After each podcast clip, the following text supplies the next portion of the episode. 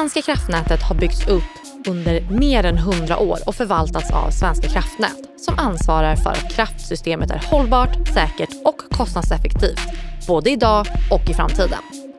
I rollen som systemansvarig myndighet ansvarar Svenska kraftnät för kraftsystems driftsäkerhet och att det hela tiden är en balans mellan den el som produceras och den elen som förbrukas. Att balansen upprätthålls är viktigt för att kraftsystemet ska kunna fungera och därmed tillgodose samhällets elbehov. Verksamheten kan på så sätt beskrivas som kroppens blodomlopp, en kritisk funktion som gör det möjligt för övrig verksamhet att fungera som den ska. Men precis som kroppen kan få blodproppar har kraftsystemet sina utmaningar med kapacitet och olika flöden samtidigt som man upplever en växtverk när både industri och transportbranschen elektrifieras. Utmaningarna är många och därför ska vi i dagens avsnitt djupdyka i det svenska kraftsystemets uppbyggnad och utbyggnad. Kraftsamtal, podden som ger dig kunskap och inblick i tekniken som behövs för att möta en av vår tids största utmaningar, den gröna energiomställningen.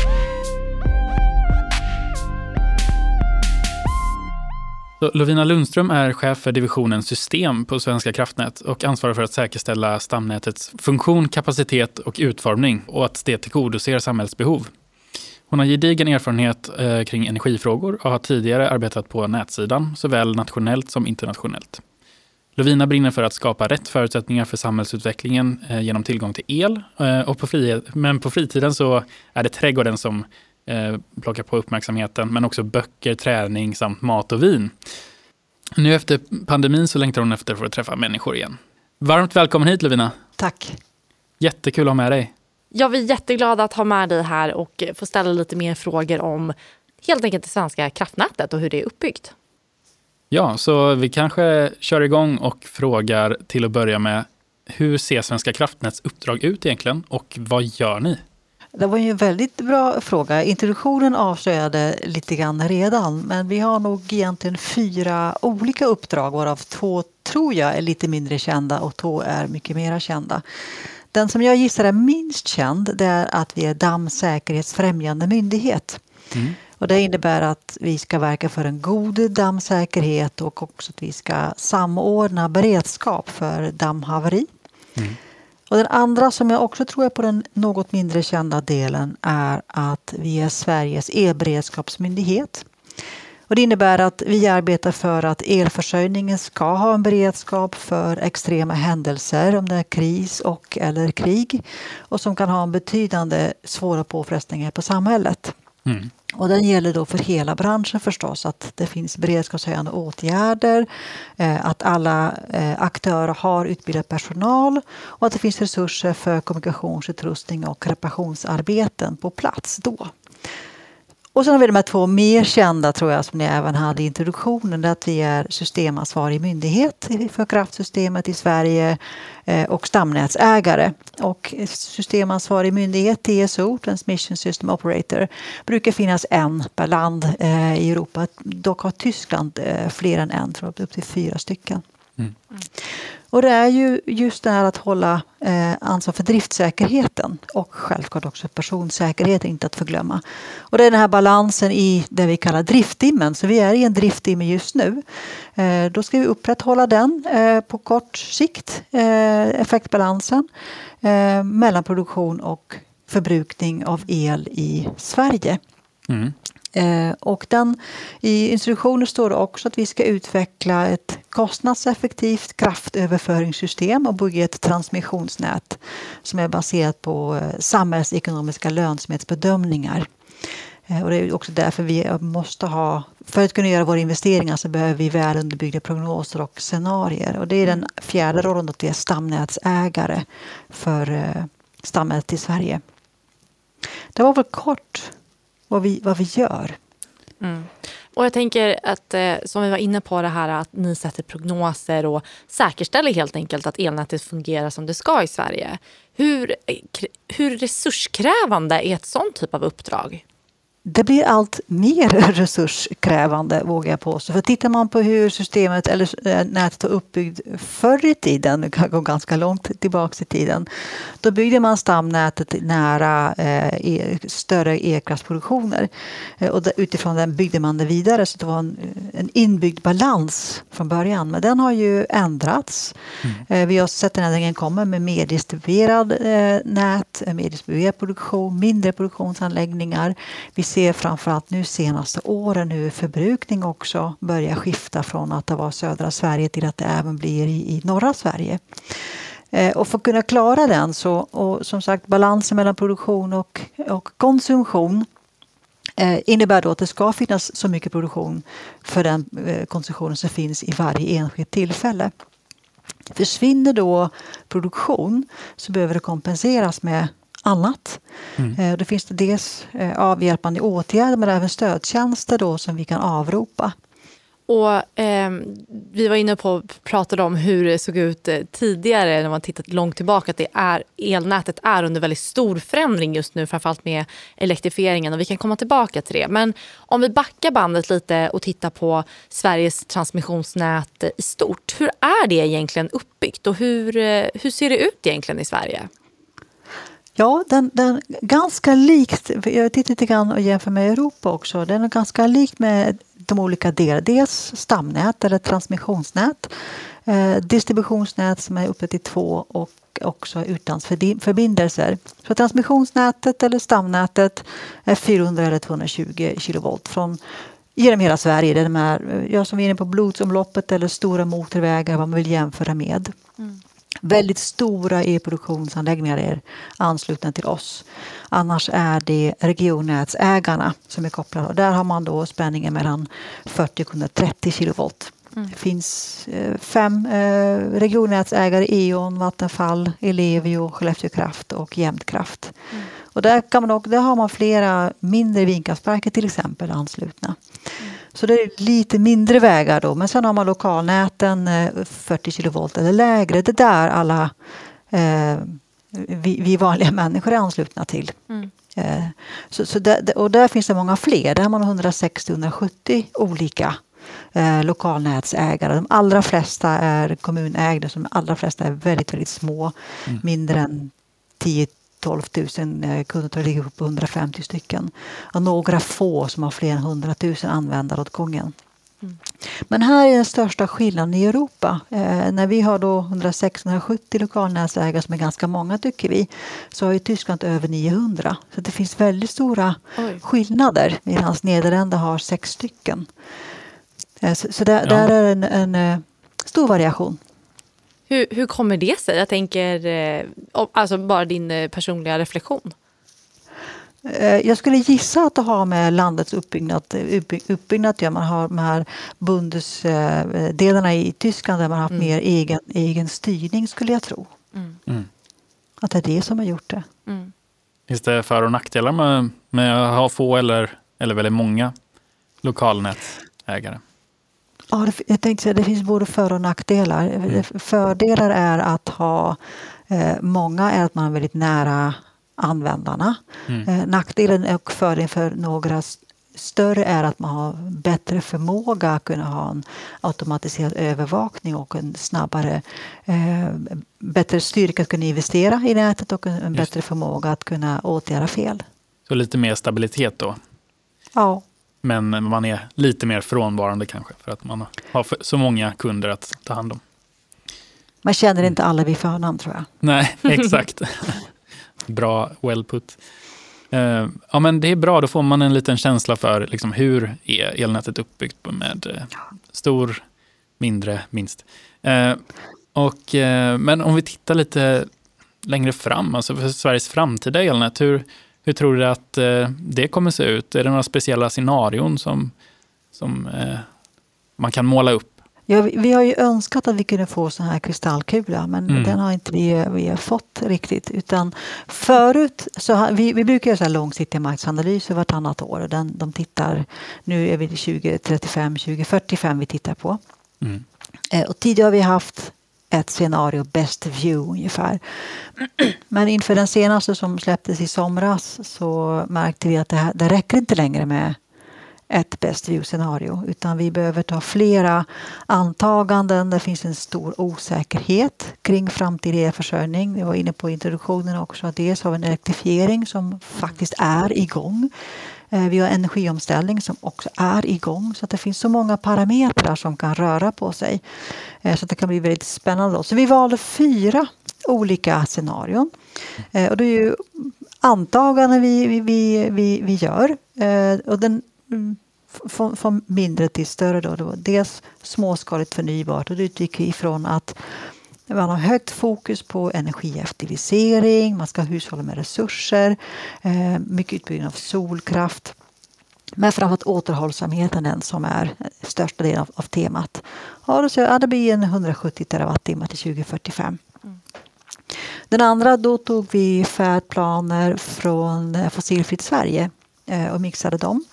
Eh, och landade i en förbrukning på 185 terawattimmar med både blandad produktion men även mycket betoning på landsbaserad vindkraft.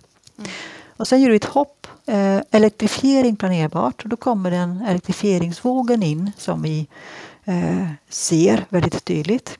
En kraftig ökning av elbehov till 260 terawattimmar och att samtliga kraftslag eh, byggs ut. Och den största då elektrifiering förnybart, den är 285 terawattimmar. Och då har vi med oss framförallt en stor utbyggnad av förnybar, icke planerbar produktion och stor andel havsbaserad vind. Och det är 75 procent som är eh, omställning av industrin som är med i de här tre, scenario 3 och 4. Mm. Eh, vi skulle väl tro att, att vi landar på någon, någon kombination av 3 och, och 4. Eh, För där vi, vi har ju sett att elektrifiering har varit på gång länge. Eh, men vi ser den nu på riktigt. Det vill säga att vi ser de anslutningsförfrågningar vi får in. Mm. Det är inte längre att man, man berättar om sina spekulationer eller planer framåt utan det, det, är verkligen, det, det händer på riktigt. Det är kul. Men på de sista eh, scenarierna där, då, då handlar det alltså om fördubbling av, om, av konsumtionen? Ja, ja. precis. Ja, och jag, och jag tänker på det. Det är superintressant det du tar upp här och nämner. Och jag menar, apropå det här att inte ha den här kristallkulan. Jag tänker hur... Eh, det är så mycket förändringar i det här området. Det poppar upp nya industrier med nya eh, energiförbrukningar hela tiden. Hur, hur är det som ansvarig myndighet att ständigt försöka ut, förutspå en framtid och sen hela tiden få de här otroligt nya häftiga satsningarna runt om i landet. Hur, hanter, hur hanterar man en sån situation? Eh, det, det, är väldigt spännande men svår uppgift. Mm. Ehm, för att eh, det är energi, Elenergimarknadsinspektionen som ger tillstånd att bygga ut eh, nätet, som ger nätkoncession och de använder de, det, det regelverk som gäller. Eh, och där är det väldigt tydligt att vi ska ha gedigna samhällsekonomiska analyser för att överhuvudtaget få en koncession. Så då upplever vi att en polariserad samhälle där vi å ena sidan en förståelse och ett behov av det ökade elbehovet och å andra sidan vi vill inte ha några elledningar i vår närhet. Mm. Eh, och, och, och hitta den balansen däremellan är, en, det är den största utmaningen. Så vi, ser, vi tittar ju på hur lång tid det tog från start till mål. Det är att vi, vi, vi får en, en, ett scenario och vi behöver bygga ut till att vi har eh, ledningar och station på plats. Då är det i snitt 12 till 14 år. Mm. Eh, och det är väldigt många olika aktörer inblandade. Sen är det ju för att bygga eh, elinfrastruktur så står vi nog ganska långt bak i kön. Det är eh, mycket annat som går före. Det är miljöbalken, eh, det är riksintressen som vi inte är. Eh, det är Försvarsmaktens behov av, av landområden. Det är järnvägar, det är vägar, flygplatser. Det är länsstyrelser som har sina synpunkter. Det är kommuner som har vetorätt. Det är markägare, inte att förglömma. Mm. Så det är väldigt många intressen som går före. Mm. Eh, och vi lever ju i en demokrati och vi vill inte... Vi, markägare och vi har en riktigt lång relation framför oss, typ mm. 80 år. Så vi vill ha goda relationer. Samtidigt som vi också behöver bygga ut nätet utifrån det behov som finns. Mm. Så där finns en, eh, det, det är den största utmaningen.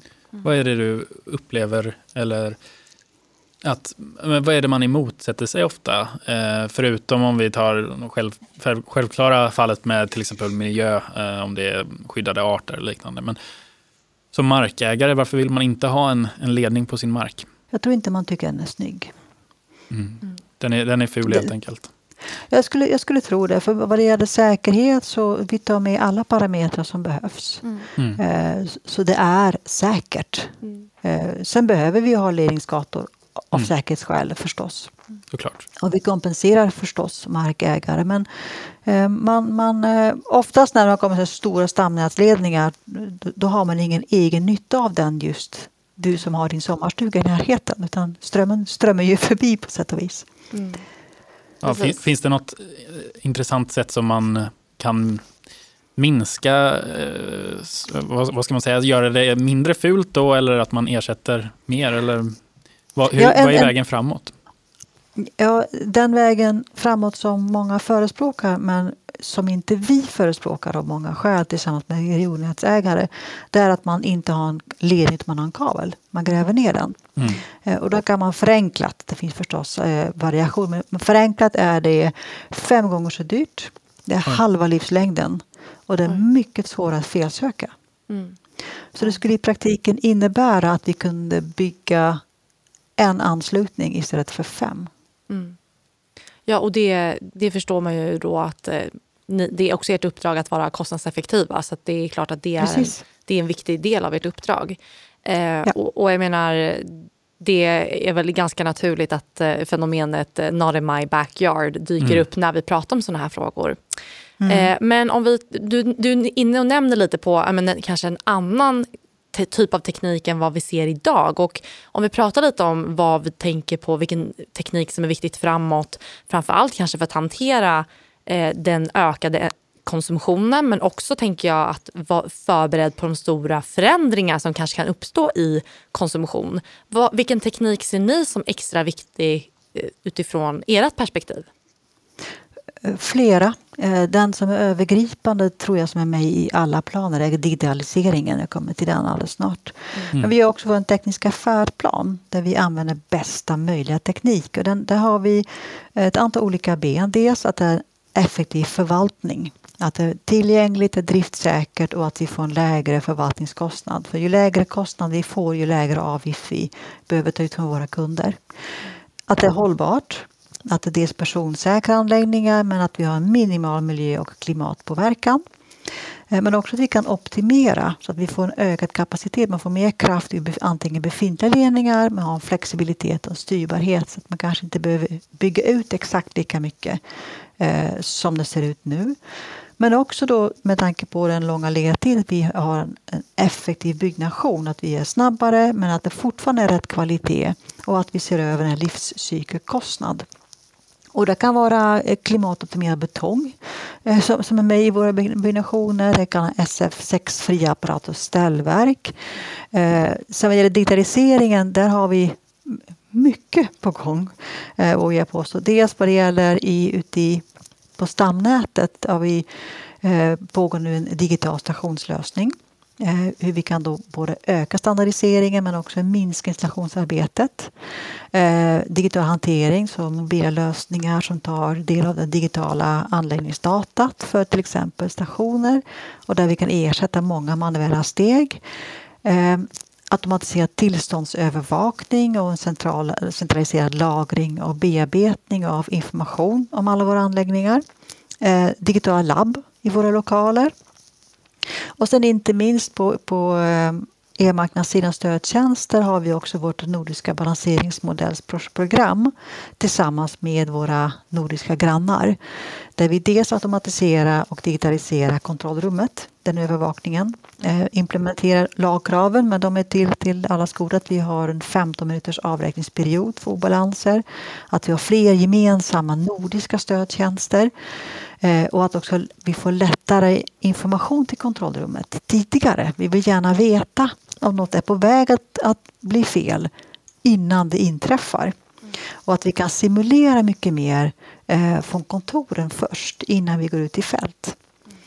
Och allt det här pågår också, men det är oerhört spännande. Ja, och vi har varit inne lite på, på det här med eh, digitalisering då som ett eh, väldigt viktigt verktyg för att eh, nå, eh, nå hela vägen fram i mål med, eh, med energiomställningen och få ett stabilt nät. Eh, så jag tycker att det kanske är ett väldigt bra tillfälle att ta in eh, vår gäst i studion här nu också, eh, som heter Åsa Groth. Åsa Groth har en gedigen erfarenhet av digitala lösningar och elkraftsystem. Idag så leder hon teamet som jobbar med eh, produktutveckling av våra övervaknings och styrsystem såsom Network Manager med olika typer av applikationer. Eh, Åsa brinner för mjukvaruutveckling och att möta upp kontroll, eh, kontrollrumsoperatörens behov Eh, behov av systemstöd och på fritiden så tycker Åsa om att vara ute med familjen i skog och mark och skapa med händerna som att sticka, virka och väva. Varmt välkommen hit Åsa in i studion. Tack. Eh, väldigt kul att du kunde komma. Ja, roligt att vara här. Ja, det känns jättekul att eh, ha med dig i dagens avsnitt. Och Eh, vi har ju faktiskt eh, spelat in lite sen tidigare och då har vi faktiskt kommit in på just det här med digitalisering och vikten av det i elnätet framförallt framåt. Eh, och vi har varit inne och pratat om att elnätet självklart är ju en samhällskritisk funktion. Men hur skulle du säga att man säkerställer eh, säkerheten i elnätet om man tänker i form av cybersecurity med alla de här olika typerna av komponenterna som finns med i elnätet? Jo, men det är ju en stor förändring som sker nu. Eh, vi har ju haft en, en tid... Säkerhet har, IT-säkerhet har varit viktigt länge. Eh, men vi har kommit till en tid nu när vi har mycket mera sensorer, mycket mera insamlat data. Och den här koncepten vi har haft med kanske en typisk zonindelning, när man har avgränsat sitt system och air-gapped brukar man säga, det håller ju inte riktigt längre.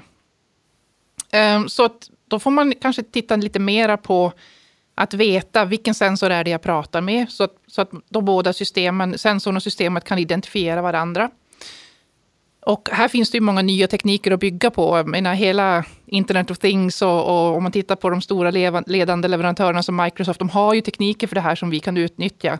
Private key brukar man prata om, public key, eh, eh, som olika tekniker för, för att veta vem är det jag pratar med, vilken sensor är det jag pratar med. Sen nästa grej som man kanske också måste fokusera ännu mer på, det är ju att, tänker jag, att identifiera när någonting sker. Mm. Vad är onormal beteende i det här IT-systemet? Mm. För, för, om du kan identifiera det tidigt, då kan du också ta åtgärder och inse att du faktiskt är hackad eller att du har ett problem. Just det. För säkerhet som sådan, tänker jag, det, är ju egentligen, det finns egentligen ingenting som heter ett säkert system, utan det handlar ju om att hantera risker. Um, Ja, nej, men det är någonting som, som man hör om. Smarta algoritmer som faktiskt förstår om det är eh, rätt användare som använder systemet, för de vet vad som brukar ske. Ja. Eh, så annars så brukar ju ämnen som till exempel tvåfaktors eh, autentisering komma upp. Eh, eller eh, till exempel biometri också. Absolut, och det, mm. det bygger när du, är, när du som användare använder systemet. Mm. Och då finns det även liknande tekniker från systemet och ut till sensorerna. Fast då kan du ju inte använda biometri till exempel, utan då är det en, men då, då, då har vi de här public key och pri private key-koncepten eh, som vi kan utnyttja för att veta vem vi pratar med. Just det. Just det. Om vi får inflika, jag tycker det är superintressant Åsa, och just för, för vårt arbete, eftersom vi har en samhällskritisk verksamhet, så är det ju om möjligt än viktigare att eh, rätt person har tillgång till rätt data. Hur vi förvarar data, på vilket sätt, vem som kan komma åt den. Eh, säkerhetsskyddslagen går ibland stick i stäv med europeisk lagstiftning om att dela information vi, som vi inte kan göra. Eh, alla är ju säkerhetsklassade som jobbar på Svenska kraftnät. Men det som du säger, det finns inget säkert system utan på vilket sätt kan man göra det här så säkert som möjligt? Mm. Och jag har ju tittat eh, ganska mycket på olika modeller för hotmodellering också. Att titta på, eh, på att gå igenom systemet och se vilka är de hot, eh, de hoten som finns. Vilka gränssnitt har jag utåt? Vilka, eh, eh, och det här handlar ju både om säkerheten, alltså vilka människor som använder det och vilka olika system som inte agerar varandra. Och så för varje hot och varje interface som finns göra analysen, har jag gjort tillräckligt? Mm. Um, och, och det, är ju, det finns ju många olika modeller för att göra det här, men, men um, konceptet som sådant med hotmodellering um, blir ju bara viktigare och viktigare. Vad är det för olika typer av hot som man är mest rädd för egentligen? Jag skulle säga att det, i, i, i vår bransch så är det ju mest det här riktade hotet. Um, alltså vi, är ju sån, det, vi övervakar samhällskritiska system. Det finns ett stort intresse av onda makter så att säga. Att, mm. att faktiskt lägga mycket tid på att undersöka och hela eh, alltså man kan ju, de kan ju lägga år på att hitta den här attackvägen in. Eh, och, och sen då använda den för att släcka ner elnätet i ett land till exempel. Som en del av en krigsföring eller som en del av en större terrorattack. Jag tror det är det hotet vi mest... Det här hotet som vi alla sitter med vid vår dator hemma, att vi, att vi får eh, ett virus eller liknande. Det kan vi bättre värja oss för. Men de här riktade attackerna, det är väl det som är vår största farhåga. Mm. Och, och där, om vi går tillbaka till tidigare då när vi pratade om det här att eh, hitta anomaliteter, att hitta o, um, oväntade händelser. Den vägen kan jag ju också hindra en del av de här riktade attackerna. För de, den, den undersökningen den kan vi ju räkna med pågår, pågår under lång tid innan den verkligen sker. Precis. Det. det. är fascinerande faktiskt. Eh, det känns ju bra att vi har, att vi har så stort fokus på detta. Eh, eftersom mm. det kan få så stora följder ifall någonting skulle hända. Och det, för att de här övervakningssystemen för elnätet har ju funnits väldigt länge och de har ju utvecklats under en lång tid. Ser man nu när elnätet förändras, eh, vi har varit inne på flera gånger nu att ja, men det, det tillkommer mer förnybar energi eh, och eh, nätet blir mer aktivt så att vi behöver ha lite mer eh, aktiv styrning ehm, eh, för, för, att liksom få hålla balansen i nätet helt enkelt. Så ser man några stora tekniska utmaningar där i, i att balansera att upp, alltså upprätthålla cybersecurity men samtidigt jobba med digitalisering. Mm. Ja, om, om vi håller oss kvar vid cybersecurity lite grann mm. så tror jag att eh, alltså en sak som vi har sett är ju att man tänker i de här katastrofscenarierna. Vad mm. gör jag om, om, för att verkligen hålla kvar stabiliteten i elnätet? Jag behöver min SCADA för att hålla kvar stabiliteten. Vad gör jag? Mm. Och då kan man titta på sådana saker som en liksom emergency SCADA som bara har en väldigt, väldigt grundläggande funktionalitet men jag slår på knappen och jag är helt eh, frånkopplad resten av världen och kan ändå övervaka mitt elnät. Så det är en grej att, som, som eh, har dykt upp på senare år som, som jag tror inte fanns för 10, 15, 20 år sedan så hade man inte det tänket, men det har man nu. Eh, men sen så, det du tog upp där var ju väldigt mycket saker kring hur, hur, vilka nya tekniker som behövs för att hantera den nya situationen i elnätet rent funktionsmässigt. Mm. Så om vi lämnar cybersecurity där och tittar mer på det så, så alltså en, en uppenbar grej är ju att det är oerhört mycket svårare att göra prognoser för både last och generering eh, idag. Och där finns det ju också då väldigt mycket nya tekniker. Alltså, hela AI-biten och hela det här. Jag menar, ni vet ju hur man kan göra ansiktsigenkänning och sånt mm. där. Datorerna är ju så mycket bättre på allt sånt här. Så Samtidigt som utmaningen kommer så kommer ju tekniken som möter med det. Sen en annan område som jag tycker att det helt plötsligt har blivit mera fokus på, det är sån teknik som har funnits så länge jag har jobbat på eh, inom det här området. Eh, det, det är det här Wide Area Monitoring System, alltså eh, mätningar av fasvinklar i nätet. Eh, mm. Det har ju funnits länge, men jag tycker att det har blivit en, liksom ett större intresse för det. Och jag tror att det beror på att det kan hjälpa oss att hitta eh, instabiliteter i elnätet tidigare. Och de kommer ju oftare nu med förnybara energin. Mm.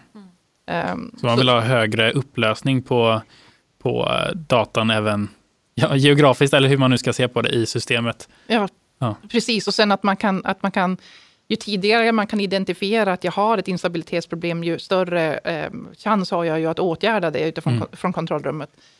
Eh, så det är ju alltså, som inte en ny teknik, men, men har blivit mera liksom fokus på det. Mm.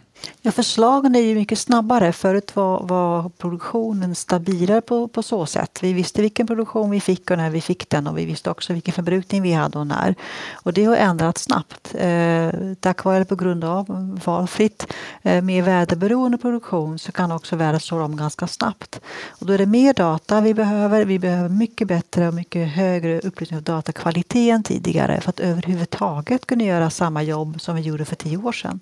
Ja, exakt. Och det, det är det här också som, som jag tycker båda ni har varit inne på att det är en utmaning men det är också en enorm möjlighet att vi faktiskt har mycket data och hur använder vi den på ett effektivt sätt för att helt enkelt säkerställa att eh, vi, vi har ett fungerande och starkt elnät. Helt enkelt.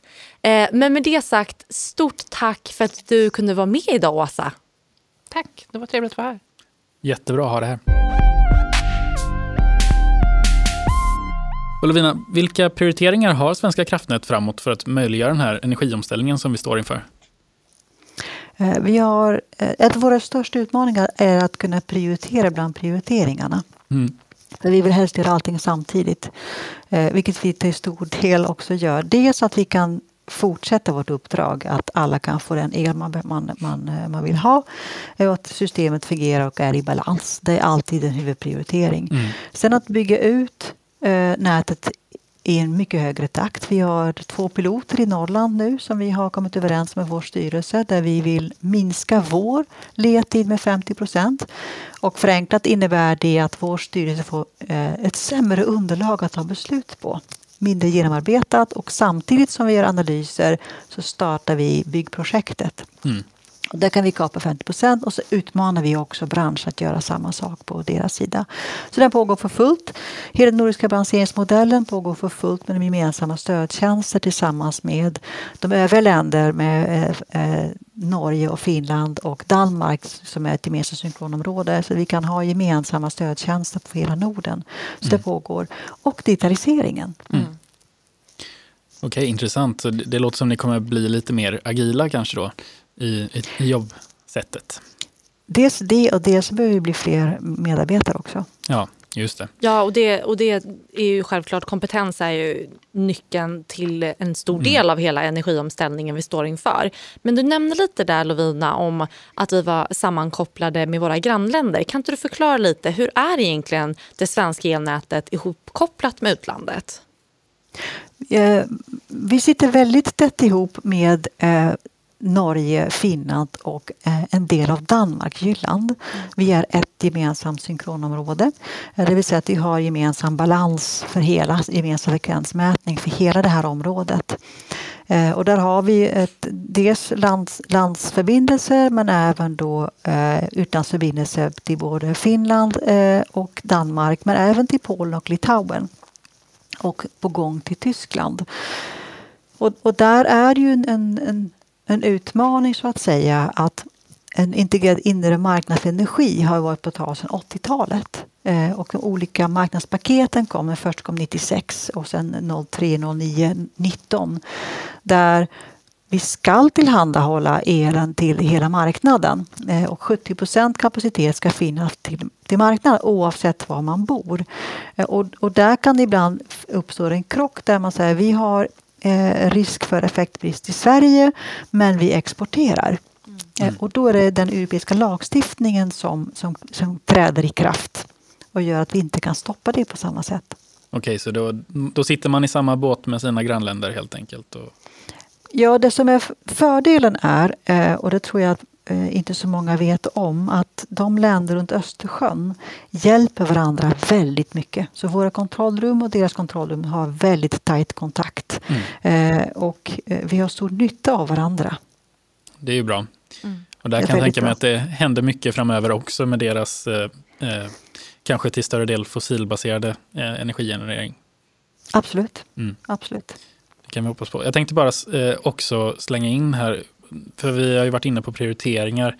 När, det kommer, när man ser till investeringar som, som ni kommer göra framåt, eh, hur ser det ut där? Vad, har det några stora eh, investeringar som, som kommer göras och, och varför prioriterar man just dem?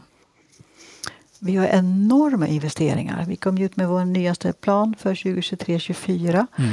Eh, och tittar man på föregående plan så är det en ökning med flera miljarder. Eh, och sen vet vi att som det ser ut just nu med havsbaserad vind som står eh, utanför dörren och elektrifiering i både Norrland och på andra delar i Sverige så är den redan obsolit när vi, när vi pratar. Så den, den, det är en spikrak hockeyklubba uppåt. Mm.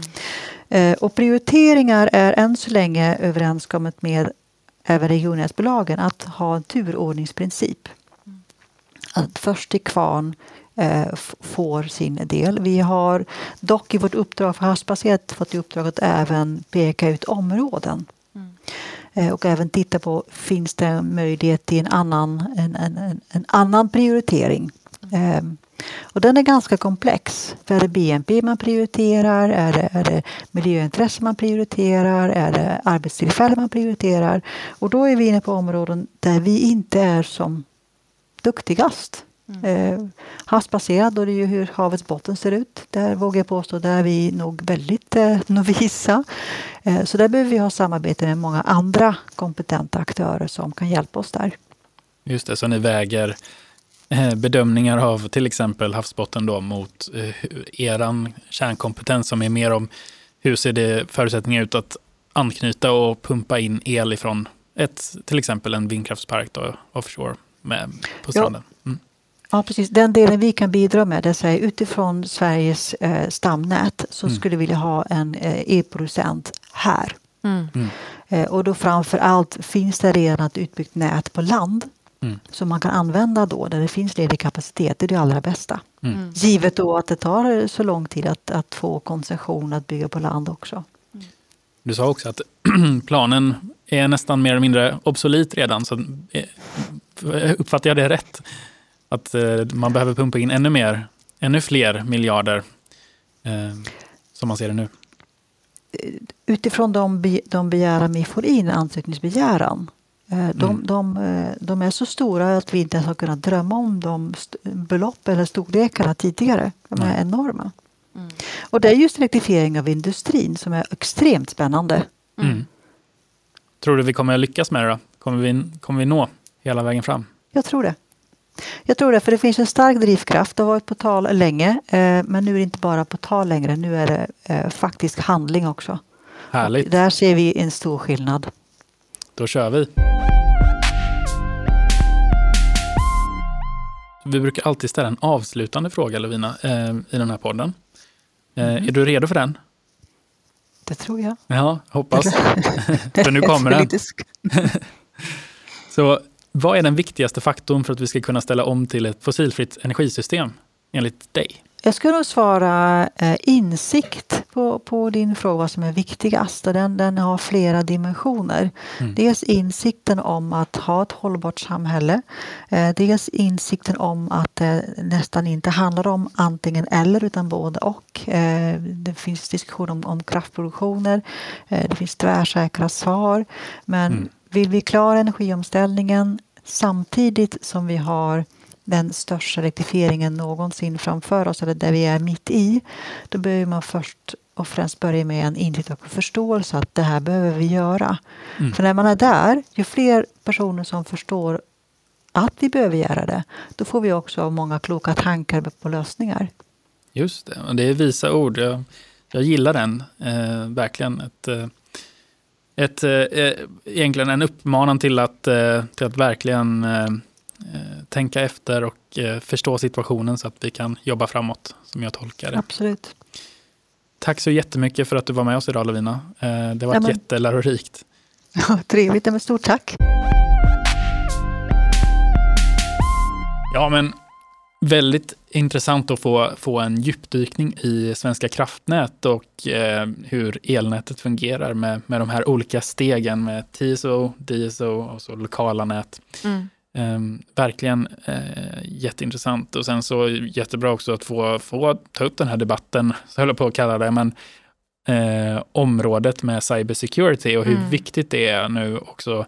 Har varit viktigt i, i, flera år, men det blir allt viktigare. Mm. Um, Elin, uh, var det något speciellt som du tänkte på som du skulle vilja ta med dig eller tänker vidare på. Ja, nej, men för det första tycker jag Lovina verkligen beskrev det svenska elnätet och hur det är uppbyggt på ett så pedagogiskt sätt. Att, eh, det var jättekul att höra verkligen och det är mycket att ta med mig därifrån. Men jag tycker också den här dialogen vi hade när vi bjöd in även Åsa och just det här att ju mer eh, ju, ju, mer data vi faktiskt har i elnätet, desto mer blir det att hantera.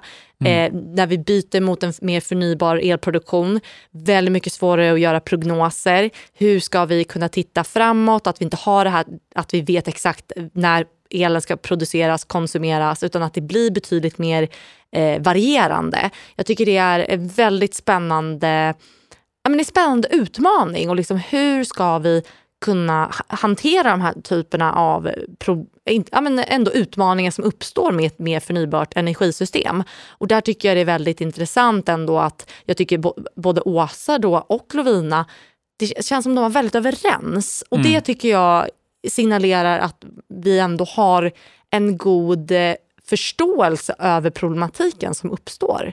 Eh, så det, det, tyckte jag var väldigt spännande dialog och diskussion att höra och lyssna in på helt enkelt. Verkligen, det var, det var skönt att vara åskådare nästan. Ja, nej, men li, lite så kände jag. Mm. Och vad, vad tar du med dig Kristoffer? Ja, nej, men jag tyckte att det var intressant också att hon, hon gick in lite och, och tog upp eh, perspektivet på att jämföra olika länder, hur elsystemet är uppbyggt, men att vi vi har alltså, synkront nät i, i Norden. Um, vi har lite skillnad i hur vi har med TSO och så i Tyskland och, och de här bitarna. Jag tyckte att det var, det var trevligt att få det, det perspektivet här från henne.